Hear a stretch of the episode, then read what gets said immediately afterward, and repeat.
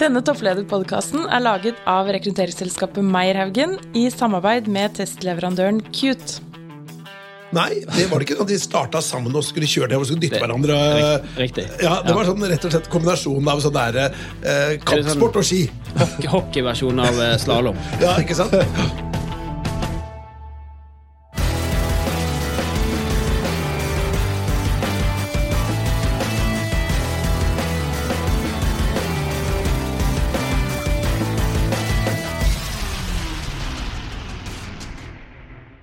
Sverre, i dag er vi så heldige at vi har en fantastisk spennende gjest i studio.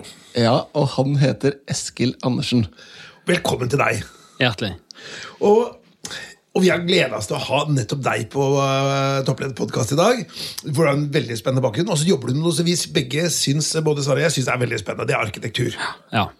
Men kan ikke du fortelle litt om Hvilket selskap er det du er toppleder i? Jeg er toppleder i Nordic Office of Architecture. eh, Heretter kalt Nordic. Eh, Det er et ganske stort arkitektkontor. Vi har eh, 240 ansatte. De aller fleste arkitekter. Noen interiørarkitekter, produktdesignere, møbeldesignere osv. Har kontor i Oslo, men har også kontor i København, på Island og i eh, UK, i London.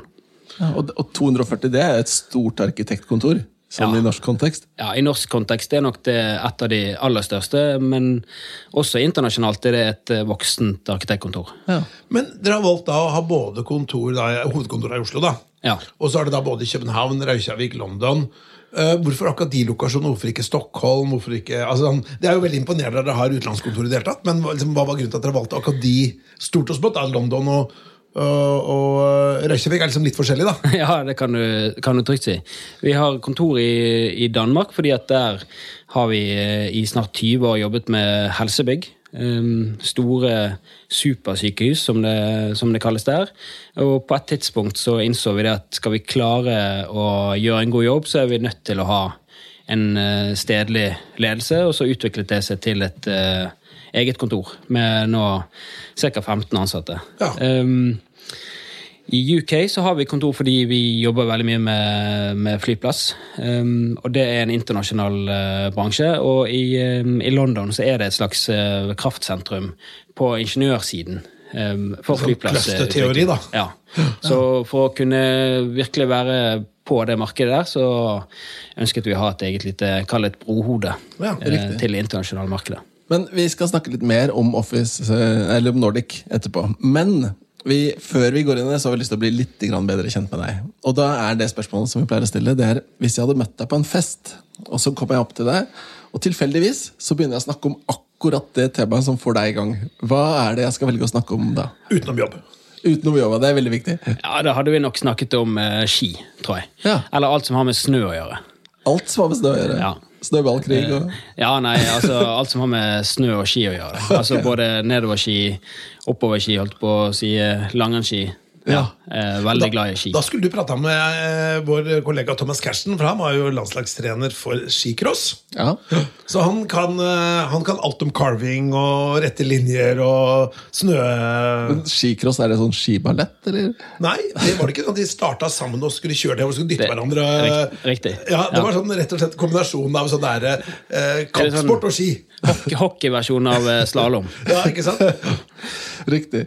Men eh, hva er det du, hvis du skulle liksom eh, Hvis du fikk velge fra øverste hylle, er det nedoverski? Er det Ja, jeg, altså, jeg er veldig glad i det tradisjonelle toppturkonseptet. At du spenner på det alpinski med, med løs sel, går opp til toppen, helst i Randøya. ja. helst i masse pudder.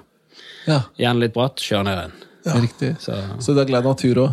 glad i natur. Har du noen gang og nå må jeg spørre da, siden jeg er litt biased, har du noen gang prøvd å gå på jakt med ski? Nei, det har jeg, det har jeg aldri gjort. Um, ja, Det kan anbefales. Det kan sikkert anbefales. Men, men da må jeg spørre, er du interessert i fotball? Nei. På Det ingen måte. Ja, det er null null det. Det er fordi vi, eh, Sverre og jeg vi er, Sverre er opptatt av jakt, jeg er opptatt av fotball, og så spør vi alltid eh, disse topplederne våre eh, om noen av dem er interessert i fotball eller eh, jakt. da. Og jeg, jeg, må si, jeg var ute på, på ski på jakt nå i helgen, og det er liksom som regel én helg kanskje i året som du får ordentlig snø, og at det, at det lønner seg å gå med ski. da.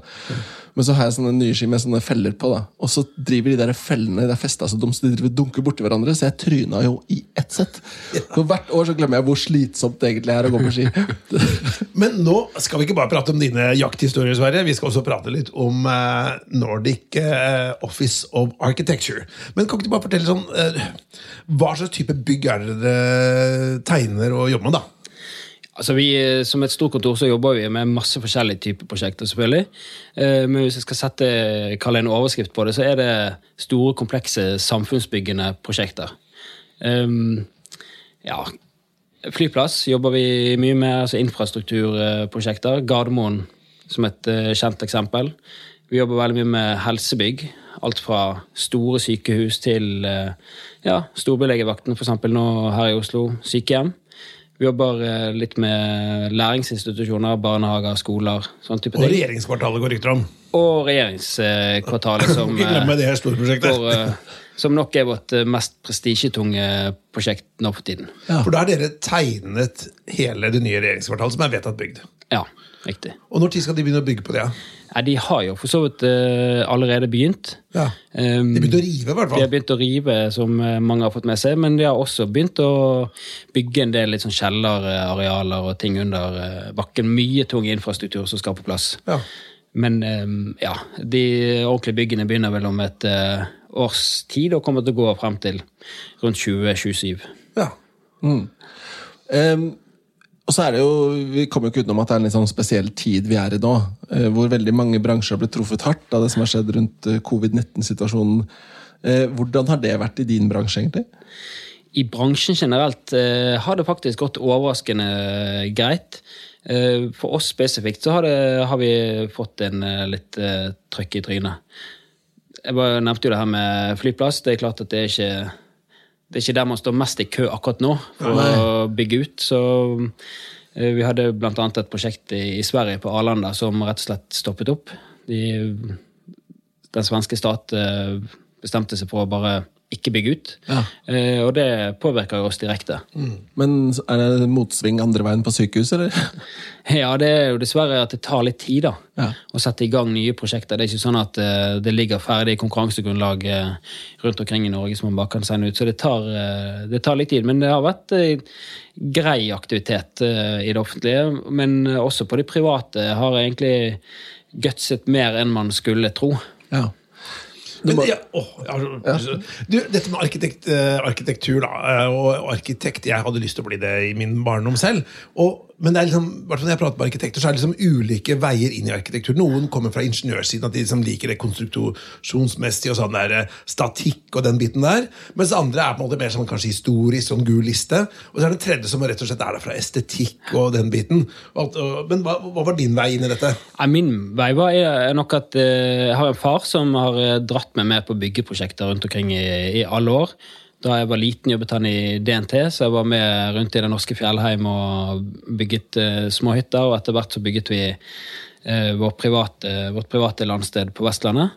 Um, så jeg fattet interesse for det. Samtidig så gjorde det greit på skolen. Så for meg var det litt sånn, ok, hvordan kan jeg både få lov til å bygge ting og, og bruke kan du si, den mentale kapasiteten jeg har. da. Så det, og da falt jeg ned på, på arkitekt. Det vil si, jeg, det begynte egentlig med at jeg ikke kom inn på produktdesign, så hadde arkitekt på andrevalg. Og Ja. det tror jeg egentlig passet meg Det var skjebnens ironi, det, da. Det var det. Var han arkitekt selv, faren din? Nei. Nei. Men så i hvert fall Når du da eh, går rundt i la oss si, en hvilken som helst by da, og ser et bygg, er du sånn yrkesskadd og tenker 'Å, herregud, for en dårlig løsning'? Eller 'Oi, jøss, det var fett', liksom? Ja, jeg tror nesten man ikke kommer eh, unna akkurat at det blir litt sånn, altså. Ja. Vi var eh, Jeg har en kompis som giftet seg i Brasil, i Brasilia. Ja. Og da var vi syv-åtte arkitekter som eh, dro til bryllupet hans, da. Og det var jo en eneste lang eh, studietur. Ja, for det var jo en hovedstad som ble bare liksom konstruert. Man la det på midt på et sånt slettland. Her skal hovedstaden ligge. Det er helt unikt i verdenssammenheng. Ja, det er gjort et par steder, men eh, Ja. annet i, i Brasilia. Da, og det er jo helt eh, fantastisk. Oscar Niemeyer som har tegnet det. Ja, ja. Og det er jo, alle regjeringsbyggene er jo eh, ja, helt eh, fantastiske. Hotell, det, du har et museum som er tegnet som en ufo. Altså det er ja. Så det er som å gå i et museum hele Det er byen. som da. å gå litt dit. Men sånn, eh, det blir litt sånn, da.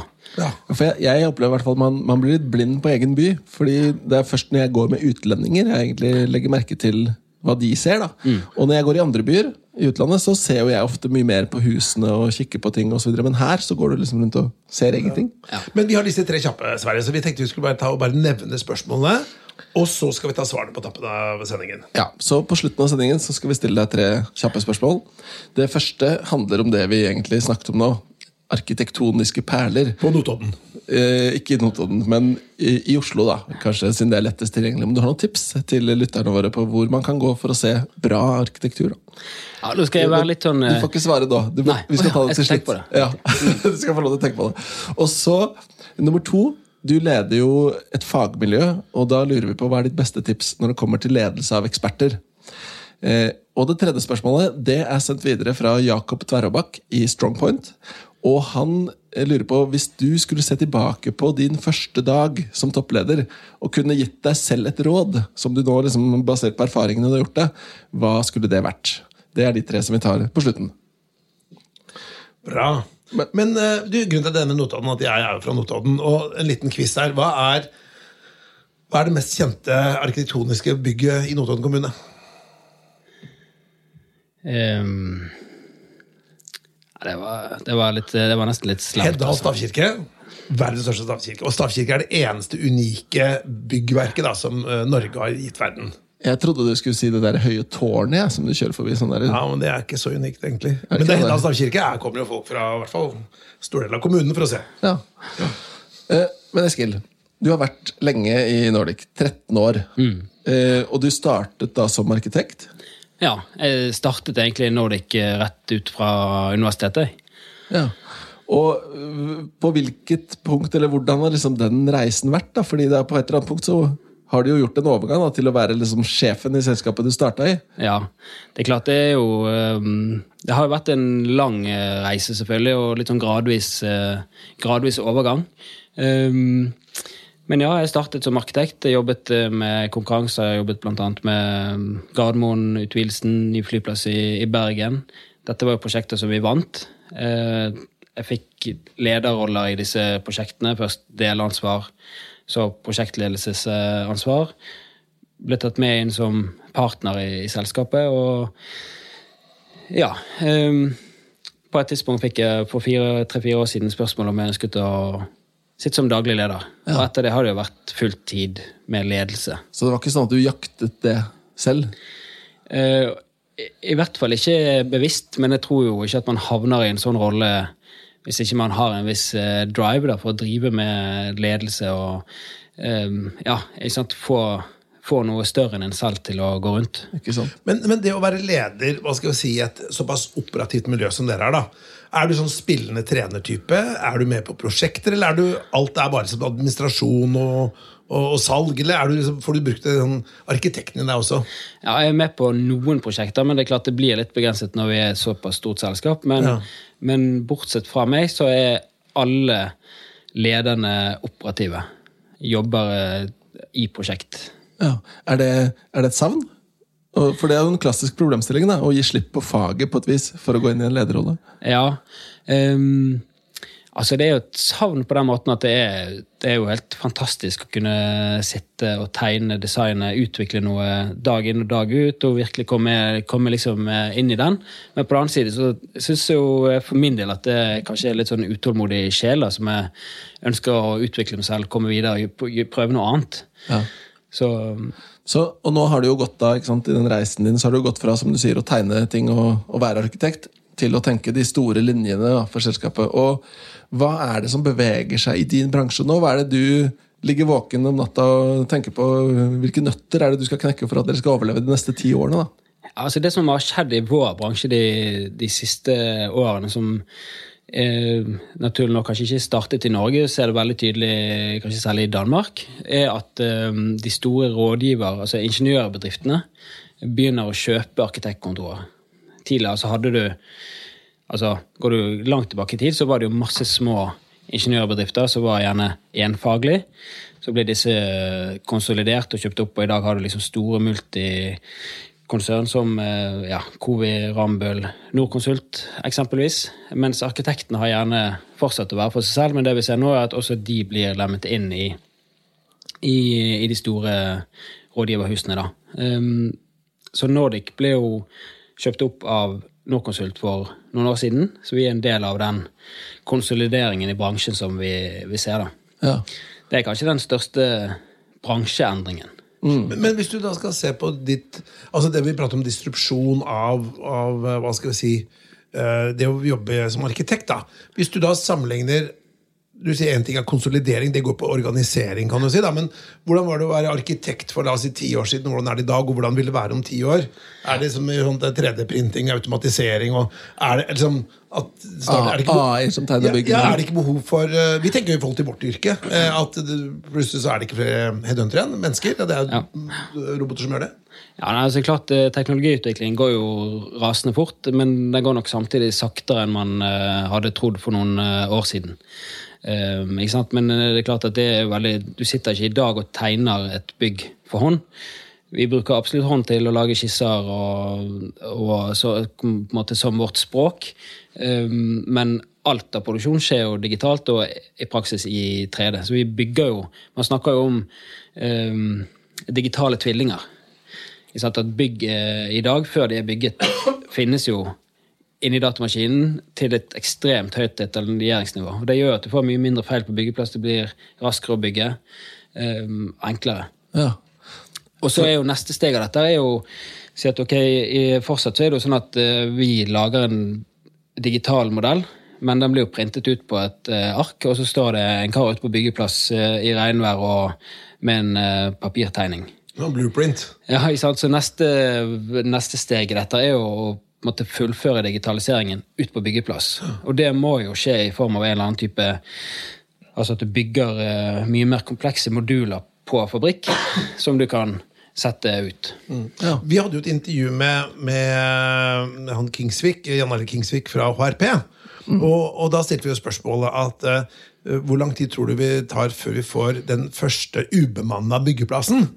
Og så tror jeg han sa noe sånn at jo, det kommer til å skje en gang, men det var ikke sånn rett rundt svingen. Men, men at det er færre folk på byggeplassen i dag enn det var før, det er jo åpenbart. Ja, det er klart. og Man har jo allerede 3D, du nevnte 3D-printing, så man har jo allerede 3D-printet hus. Um, men den teknologien er liksom foreløpig ikke der at, det er en, eh, at du kan gjøre hva som helst. Det er relativt begrenset. da. Ja. Ja, For det er i hvert fall ikke noen tvil om at det skjer mye. Vi, vi jobber jo også med leverandører av materiell, og der vet vi at sånn som Løvenskiold så jobber de med at de får inn tegninger, sikkert basert på det dere har laget. da. Og så basert på det så prekutter de alt materiell, sender, og så får du byggeplasser da med null svinn, fordi alt er ferdigkutta. Det er fascinerende greier. Men tenk, vi skulle gå litt over til dette med topplederskap, for det er derfor du er her. Hva vil du si eh, når du da på en måte har gått fra steget fra liksom noen helt sånn uh, rookie i uh, selskapet ditt til toppledelse? Hva tror du er årsaken, eller hva, si, hva vil du si er den største forskjellen på å være mellomleder og toppleder? eh, både i ditt selskap, men generelt. Ja, altså Den største forskjellen er vel, eh, handler vel kanskje litt om eh, dette med overblikk. da. Hvis du er toppleder, så skal du jo skue og mye lenger enn hvis du har et delansvar hvis du er en eh, mellomleder. Um, og så er det klart at eh, som mellomleder så du er du mye tettere på personal. Så at du har et mer direkte personalansvar. Um, når du sitter på toppen, så klart du tenker jo kanskje virkelig mye på alle folka, men du har ikke den eh, så mye den direkte kontakten, opplever jeg i hvert ikke jeg, da. Så da er du ganske avhengig av å ha flinke folk mellom, da. Ja, og så har man et, et større apparat uh, rundt seg. Men Hva tror du er grunnen til at noen blir toppleder, og noen er stuck i mellomlederskap? da? Jeg, jeg tror eh, vi, Kanskje det her med litt sånn personlig drive tror jeg nok er viktig. Du må virkelig ønske å ta det, det siste ansvaret. Ja, for Det morsomme er jo at vi, vi har snakket om Jeg har snakket med 40 pluss toppledere her nå i denne podkasten. Og det er veldig få som i hvert fall innrømmer på mikrofon at de har liksom hatt det målet lenge. Og, så, så det inntrykket er at de fleste har liksom gjort en god jobb, tenkt helhet, tenkt stort, og så har de endt opp der de er, som Ja. resultat av det. Men jeg tror nok Eller det vet jeg ikke, da, men jeg tror nok det er som du sier. For det å være toppleder er så dominant i livet ditt. Altså Det tar hele tiden din. Det blir ikke mange toppturer, eller det hadde blitt flere toppturer hvis du ikke var toppleder. da, for å si det på den måten. Uh, og, Det var fint. ja, det var ikke så verst. men da tenker jeg at, så du offrer, Man ofrer jo en del, og så får man en del, men du, man må jo være ganske opptatt av det å sitte på toppen, og det trøkket, og det ansvaret, og, og hva skal jeg si den, ja, liksom, den posisjonen, da. Og der er det jo på en, en del sånn forskning som viser at menn er mer glad i det trøkket og den posisjonen, altså statusdelen av det, enn kvinner er. da. Nå er det politisk minnefelt her. Ja, men Det tror jeg nok er ganske sånn eh, At, at, at menn søker mer hierarkiske organisasjoner enn kvinner, det tror jeg er dokumentert. Ja, ja, jeg bare sier at det er helt sikkert noen som reagerer på dette. når vi hører på. Ja, ja. Ja, jeg vet ikke helt hva jeg skal uh, tørre å svare på det, men uh, Ja. Nei, men du må i hvert fall eh, du, altså, For meg i hvert fall så er litt drivkraften det der at liksom sånn, hei, tenk så at man har, eh, har en eller annen idé, og så tenk åh, så utrolig gøy det hadde vært å få masse folk rundt en med på den ideen. Ikke sant? Det er jo det som hele tiden jeg driver med. da. Eh, ikke sant? Vi flyttet jo inn i et eh, nytt kontorlokale her for et halvt år siden. Det oppsto rett og slett som et ønske. Jeg hadde bare sånn her, ok, nå, nå sitter vi her. Jeg føler at dette gir, gir en del begrensninger på hvordan vi jobber kreativt, hvordan vi klarer å jobbe eh, sammen osv. Hadde jeg da en idé om at hei, åh, ønsker å flytte inn i et helt annet type lokale. Og det å få i sant, alt fra styreleder til de andre partnerne til de ansatte med på den eh, reisen. Altså Som et eksempel på en sånn indre drivkraft som jeg hadde. Det, jeg tror man trenger, en, eh, man trenger den kraften for å ønske å sitte på toppen. Ja. Har, du, har, har du rukket å se noe resultat av flyttet? Er det liksom, eller er det for tidlig å si? Altså, det som skjedde, var at de flyttet inn i, i nytt kontor, og så måtte alle sitte på hjemmekontor. Ja, Så timing kunne vært Det bedre. var, kunne vært bedre timing. Men det er jo viktig at man arkitek eh, arkitektur da, eh, det har jo stor betydning. Det er ikke bare design, det er jo også funksjonalitet. da. Så um, Versus cellekontoret versus åpne landskap. Er det sånn møtesoner? Kan du ha et, et atrium inne i huset, så du kan liksom se oi, der er det noen der nede? Eller hvordan man bygger helt arbeidsstilen. da. Ja, nei, men altså, Det er masse forskning som viser at uh, fysiske omgivelsene påvirker oss. og Det skulle jo nesten bare mangle. Ja. Du kan jo prøve å sette det inn i et mørkt rom i noen dager. Du blir klart du blir påvirket av det. Ja, ikke sant? Som en uh, får dra det liksom helt ut. Og innenfor sykehusarkitektur så er ikke sant, healing architecture, det å være i omgivelser som faktisk gjør deg ikke frisk, men friskere, er jo ekstremt viktig. Og da må jeg spørre da, for jeg er ikke noen ekspert på healing architecture, men snakker vi da liksom lyst, planter, eller hva er det vi egentlig snakker om? Summen av alle de tingene der. Tilgang på dagslys, eh, materialbruk, sant? naturlige materialer, tre for eksempelvis, altså ting som er godt å ta på og se på. Farger, eh, stofflighet. Alle disse tingene her. Eh, I akustikk altså, og god, god luft. Summen av alle disse tingene her gjør at du som menneske opplever at det er behagelig å være i et rom. Men hvis man tenker i hvert fall sånn der med, Nå sitter jo hele Norge på hjemmekontor, da, eller i hvert fall kanskje alle. Eh, og de aller fleste av disse kjøkkenarbeidsplassene som mange sitter på, hadde jo ikke vært i nærheten av blitt godkjent sånn ergometrisk eller lyd og lys og stofflighet, som du sier. da. Hva tror du det har å si for produktiviteten vår, da? Jeg tror på, på kort sikt så kommer det inn en sånn dugnadsånd. bare, ja, ja, men dette skal vi komme oss gjennom sammen. Eh, så man velger å neglisjere litt det at eh, man har ja, dårlig lys og dårlig pult og eh, på en måte arbeidsforhold som du aldri hadde akseptert å ha eh, med en gang du går inn på kontoret ditt. eh, men eh, hvis dette fortsetter lenge, så vil vi nok se mye større behov for at arbeidsplassene rett og slett tilrettelegger mye større grader, også på hjemmebane.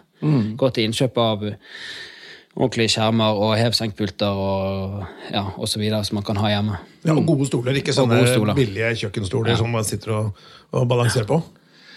Men ja, øh, vi har også spørsmål rundt dette med toppledelse. Eh, det klassiske spørsmålet innen topplederskap er Tror du man kan bli toppleder innen hva som helst?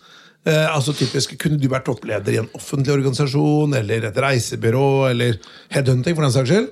Eller er det sånn eh, stick to your guns at du kunne egentlig bare vært toppleder for hva skal vi si, arkitekter? Ja, nå må jeg nesten snakke for meg selv, da, men eh, jeg tror for min egen del så tror jeg at jeg skal holde meg til eh, arkitektur. Jeg har veldig tro på det at eh, å forstå eh, hva det er man driver og leder, er en viktig faktor for å gjøre, kunne gjøre en god jobb. Jeg tror at det at jeg har eh, vært nede på gulvet da, og eh, ikke nødvendigvis er det samme firma, men har gjort jobben sant, i ulike steg, forstår hva det, hva det, vil, eh, hva det vil si å tegne et bygg. Jeg aner ikke hva det vil si å, å selge en bil, eksempelvis. Så jeg, jeg tror for min del i hvert fall at eh, ja. Men er det ikke noe prinsipp rundt lederskap? da, Få fram det beste av folkene? eller at liksom, Du hadde liksom kommet inn i en offentlig organisasjon, f.eks. Nav. Leder av Nav, da. Det er en stor organisasjon. Og så skulle du da på en måte sånn Ja, du, hva driver vi med det her? Og få fram det beste. Drive lederskap. eh, Finne noen verdistrømmer og et eller annet. da. Og dette er ikke et skjult intervju, bare sånn for å påpeke det. ja. Nei, men det, det er klart at det er en del sånne universelle prinsipper som, eh, som leder. Det er klart. Jeg leste For ikke lenge siden så hadde jo eh, Aftenposten, eh, A-magasinet, en eh, sak om ledelse. Og dette med at det, det kommer hele tiden nye, nye modeller som som rådgiverhusene pusher på deg. Men, men kanskje det ligger noe litt sånn universelt i bunnen, da. Um, og da hadde de jo delt opp ordet ledelse i tre. Le, del, se. Ja. Uh, og det burde jeg kanskje ha tenkt på før, men det må jeg innrømme at eh, jeg ikke hadde. Men jeg synes det var utrolig bra. Det handler jo veldig mye om de tre tingene der. Det handler om å le, ikke sant? gå inn i ting med pågangsmot, eh, godt humør. Det handler om å dele, kommunisere hva det er du driver med. Og så handler det om å se alle de rundt deg. Den, var fin. Den har ikke jeg hørt for, og det tok faktisk et sånt ja, 15 sekunder, for jeg tok Le, del, se. Ja, morsomt. Ja. Bra, da. Men vi, vi- tenkte å gå litt på personlighet. da. Ja, vi gjøre det? la oss gå litt inn på personlighet. Vi, vi har, har en samarbeidspartner på tester som heter Qt, eller Aon. Og de leverer et sett med ulike tester, bl.a. personlighetstester. Og så er det jo interessant å se på, da. Er det noe toppledere har til felles? Eh, og ifølge teorien så er det noen trekk som sannsynligvis toppledere har da, til felles. Men hvis vi begynner med først din egen liksom, beskrivelse, da. Hvordan er din personlighet? Hvis du skal legge, si det med egne ord. Jeg er nok ganske sta. Står stå på. Gir meg ikke før jeg har fått det litt eh, Om ikke som jeg nødvendigvis vilder, men at jeg i hvert fall har eh, fått igjennom noe i en eller annen eh, retning. Det får jeg i hvert fall høre litt eh, fra ymse hold. Kan være- Kan ha, være litt standhaftig. Standhaftig er egentlig bedre enn eh, sta. Um, det er nok en viktig egenskap i, i så måte tenker mye. Du sa jo at det kanskje blir mindre toppturer som uh, toppleder. Jeg tenker mer at det kanskje blir flere toppturer, fordi at man kan uh, Da får du virkelig tid til å tenke, reflektere, gruble på egen hånd. Så sta, og, tenk, og bruker tid til å reflektere. Ja. Uh, jeg liker i hvert fall å tro at jeg har ganske godt eh, humør, da. Altså at man eh, Uansett hva som treffer deg, så så slutter man dagen med å smile og le litt, tror jeg er viktig. Og så er jeg ganske god på å legge ting fra meg. Jeg sover utrolig godt. Altså, ja, uansett eh, hvor eh, kraftig stormen er, så sover jeg, også. Ja. Og det tror jeg faktisk er viktig for å overleve litt i, i, liksom i, i ledersjiktet. Ja, det tror jeg. Erna Solberg sa det at uh, hun mente at hennes største styrke som leder var nettopp det at hun kunne legge ting bak seg. For som toppolitiker og toppleder så får du mye kritikk, da, eller er du er en omtalt person. Og hvis man da går og gnurer på det, og hva mente de med det, og hvorfor sa de sånn, og så går jo det utover helsa òg, ikke sant? Ja, og det trenger ikke nødvendigvis være kritikk. Det er jo bare det at det er mange ting man skal Ja. Ta stilling til og tenke på og, og jobbe med. Og da kunne bare nå, nå er det pause. Det tror jeg er viktig. Ja, ikke sant? Men hva tenker du om eh, eh, Personlighet det er jo ikke sant, det er et sett med preferanser, og det handler ikke nødvendigvis om hvordan man agerer, altså adferd. Eh, er det andre sider av personligheten din som kommer mer fram som toppleder enn den gjorde før?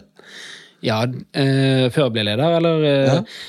ja. altså mm, man, man tar jo ting litt til seg etter hvert. da, så En av de tilbakemeldingene jeg i hvert fall har uh, fått etter at jeg i, større grad tok på meg lederansvar, var jo dette å lytte. Ja. Um, og det er jo kanskje høres jo Det er litt sånn klisjé, klisjé sant? husk å, å lytte, men uh, opp gjennom årene så har jeg virkelig skjønt at det, det har noe for seg. Høre på hva andre har å, å si, og ta det med i ja, det man ender opp med. Ikke sant? Så som leder så skal du ikke for, hvert fall, ja, man skal ikke konkludere først. Man tar runden rundt bordet først, og så konkluderer du. Mens andre på en måte ønsker å komme med fra første ordet for å så sette preg på diskusjonen. Da, for Ja, å få de den ja. veien man vil. Da. Du, Nå skal, jeg, nå skal jeg liste opp noen av de trekkene som, eh, som disse psykometrikerne eller psykologene i Aon tenker kanskje kan korrelere med toppledelse. Og Det er basert på en personlighetstest som heter Shapes Executive. Og så vil jeg at du skal si ja eller nei, eller eventuelt kanskje på om du kjenner deg igjen i at det er en egenskap du har. da. Er du klar? Overbevisende. Ja. Hensynsfull. Til dels. Resultatfokusert. Ja. Besluttsom. Ja. Teoretisk. Eh, nei. Optimistisk. Den har du egentlig svart Ja. på. Ja. Behersket. Til dels. eh, og entusiastisk. ja. Ja. Så den, den modellen her holder jo ganske godt vann så langt. Det er mange som kjenner seg igjen i disse Ja, men det, trekkene. jeg merker at uh, Vi har hatt denne som tar flere og 40 ganger. da Og jeg ser i hvert fall uh, Alle sier jo ja på de aller fleste der. Men teoretisk, der sier man nei ofte. Og om det er fordi at man kanskje ikke er teoretisk, det kan det selvfølgelig være, eller at man da kanskje tenker teoretisk er som noen motsetning til praktisk. da Eller sånn at du har en teoriverden som man ser litt ned på utenfor akademia. Mens i, i uh, the real life så tenker man nei, teori er liksom noe negativt. da Men det er litt spennende. Men jeg tipper jo mange er ganske beleste folk.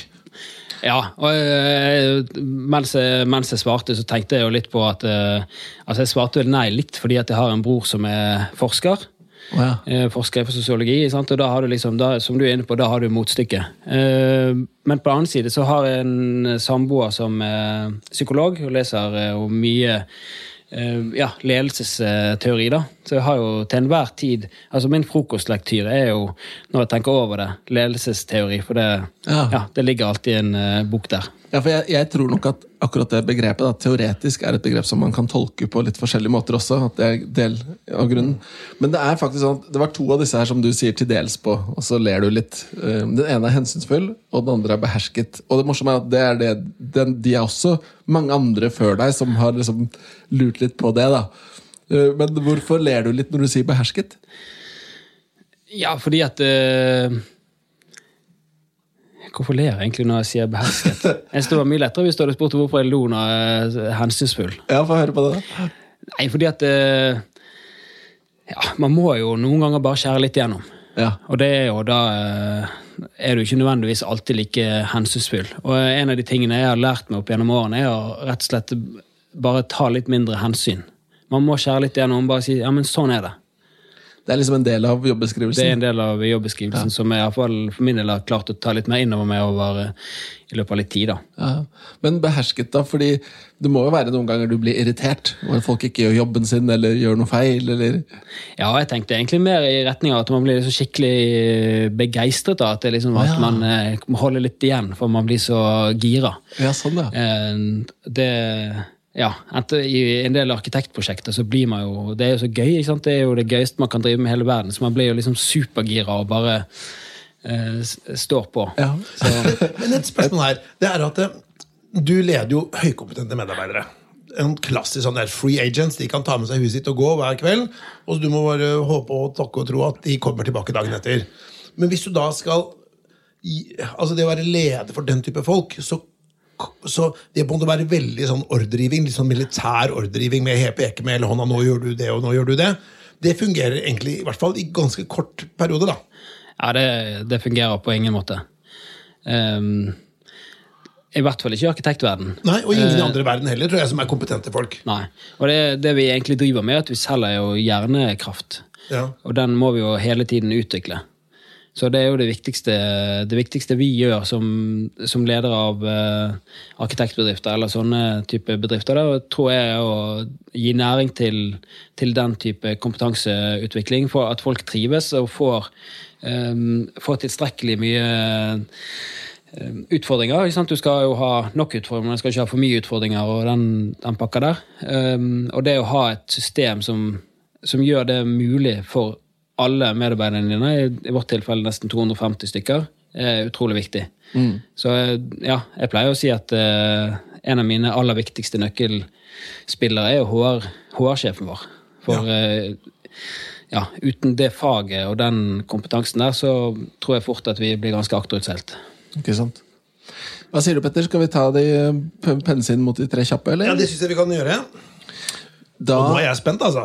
ja, og nå skal vi først da spørre deg Hvis eh, noen da skulle gå i disse øde tider hvor det nesten er som å gå inn etter en zombie-apokalypse i Oslo, det er ingen folk Men hvis du skulle anbefale folk å ta en titt på et bygg, som du vil si, eller flere, som du tenker er skjulte arkitektoniske perler i Oslo, finnes det noen av dem? Ja, det finnes jo mange av de, vi var jo touchet det så vidt innom det at vi har flyttet inn i et nytt eh, kontorbygg eh, nå. Um, og det er jo det gamle telegrafbygget av Arneberg og Paulsen som sto ferdig i 1924. Um, det ligger rett ved Sten og er litt et bygg som du, du går veldig fort forbi. Tenker ikke så mye over det. Eh, om et par måneders tid så åpner det opp for publikum også i, i første etasje. Og det er virkelig en skjult arkitektonisk eh, perle. Ja. Et godt valg, med andre ord, av dere. Ja, det, vi er jo litt grann da. da. Men Sverre, har du noen eksempler på noen gode arkitektoniske perler? Eller områder av Oslo som du liker godt?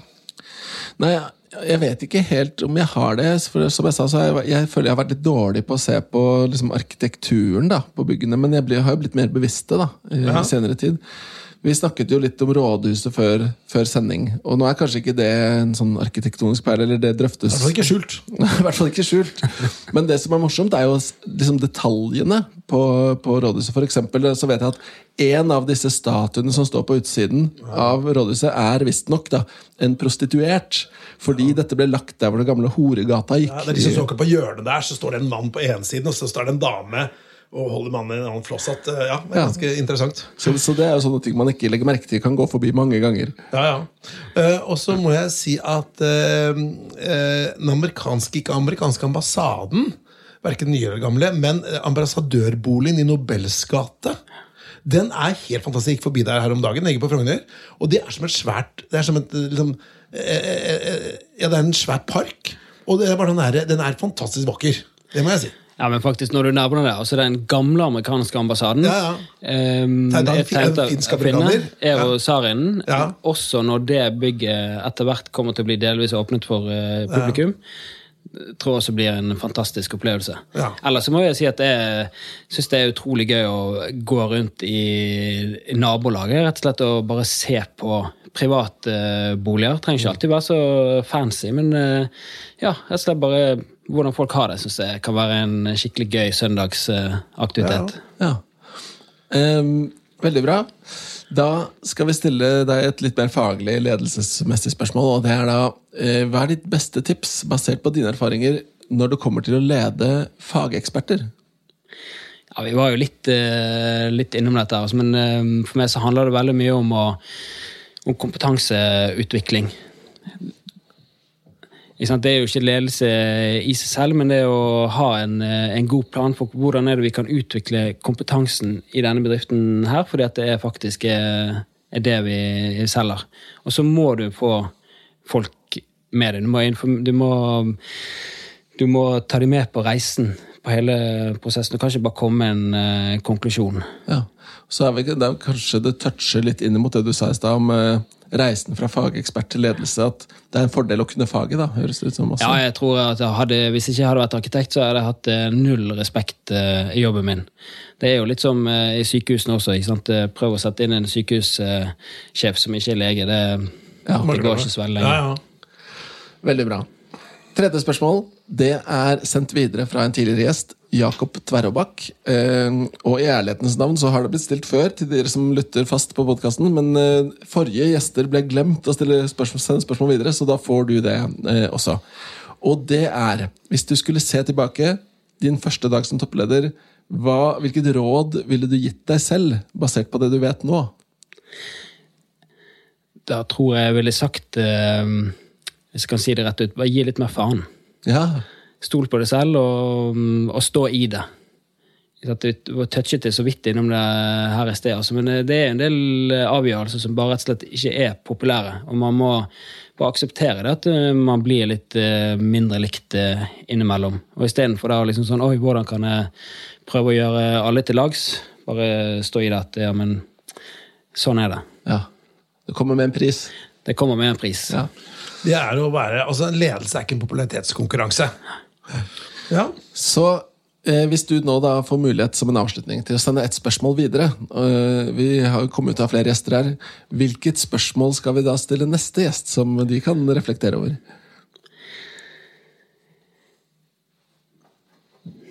Ja, nei, altså, jeg syns jo alltid det er um, det, det er jo alltid krevende dette med å um, få folk med seg. Si at du, du å ta en beslutning, og du, ja, du, alle skal ikke nødvendigvis være enige, men det å få folk med seg er likevel et, um, et viktig poeng. Så spørsmålet var kanskje bare noe i retning av hva, hva gjør du, eller hva, hvordan jobber du for å inspirere dine, eh, organisasjonen din bredest mulig? Ja, Det var et godt spørsmål, og Ja. det tar vi videre. Absolutt. Men du, Tusen takk, eh, Eskil. Veldig spennende å høre på deg. Og lykke til med de viktige oppgavene du gjør. Bygge nytt regjeringskvartal, blant annet, og, og flyplasser og sykehus og alt det viktige du gjør. Utrolig inspirerende å høre på deg. Absolutt. Hjertelig. Takk for praten. Tusen takk. Har du innspill eller kommentarer til denne podkasten, kan du sende en e-post til toppleder at meierhaugen.no.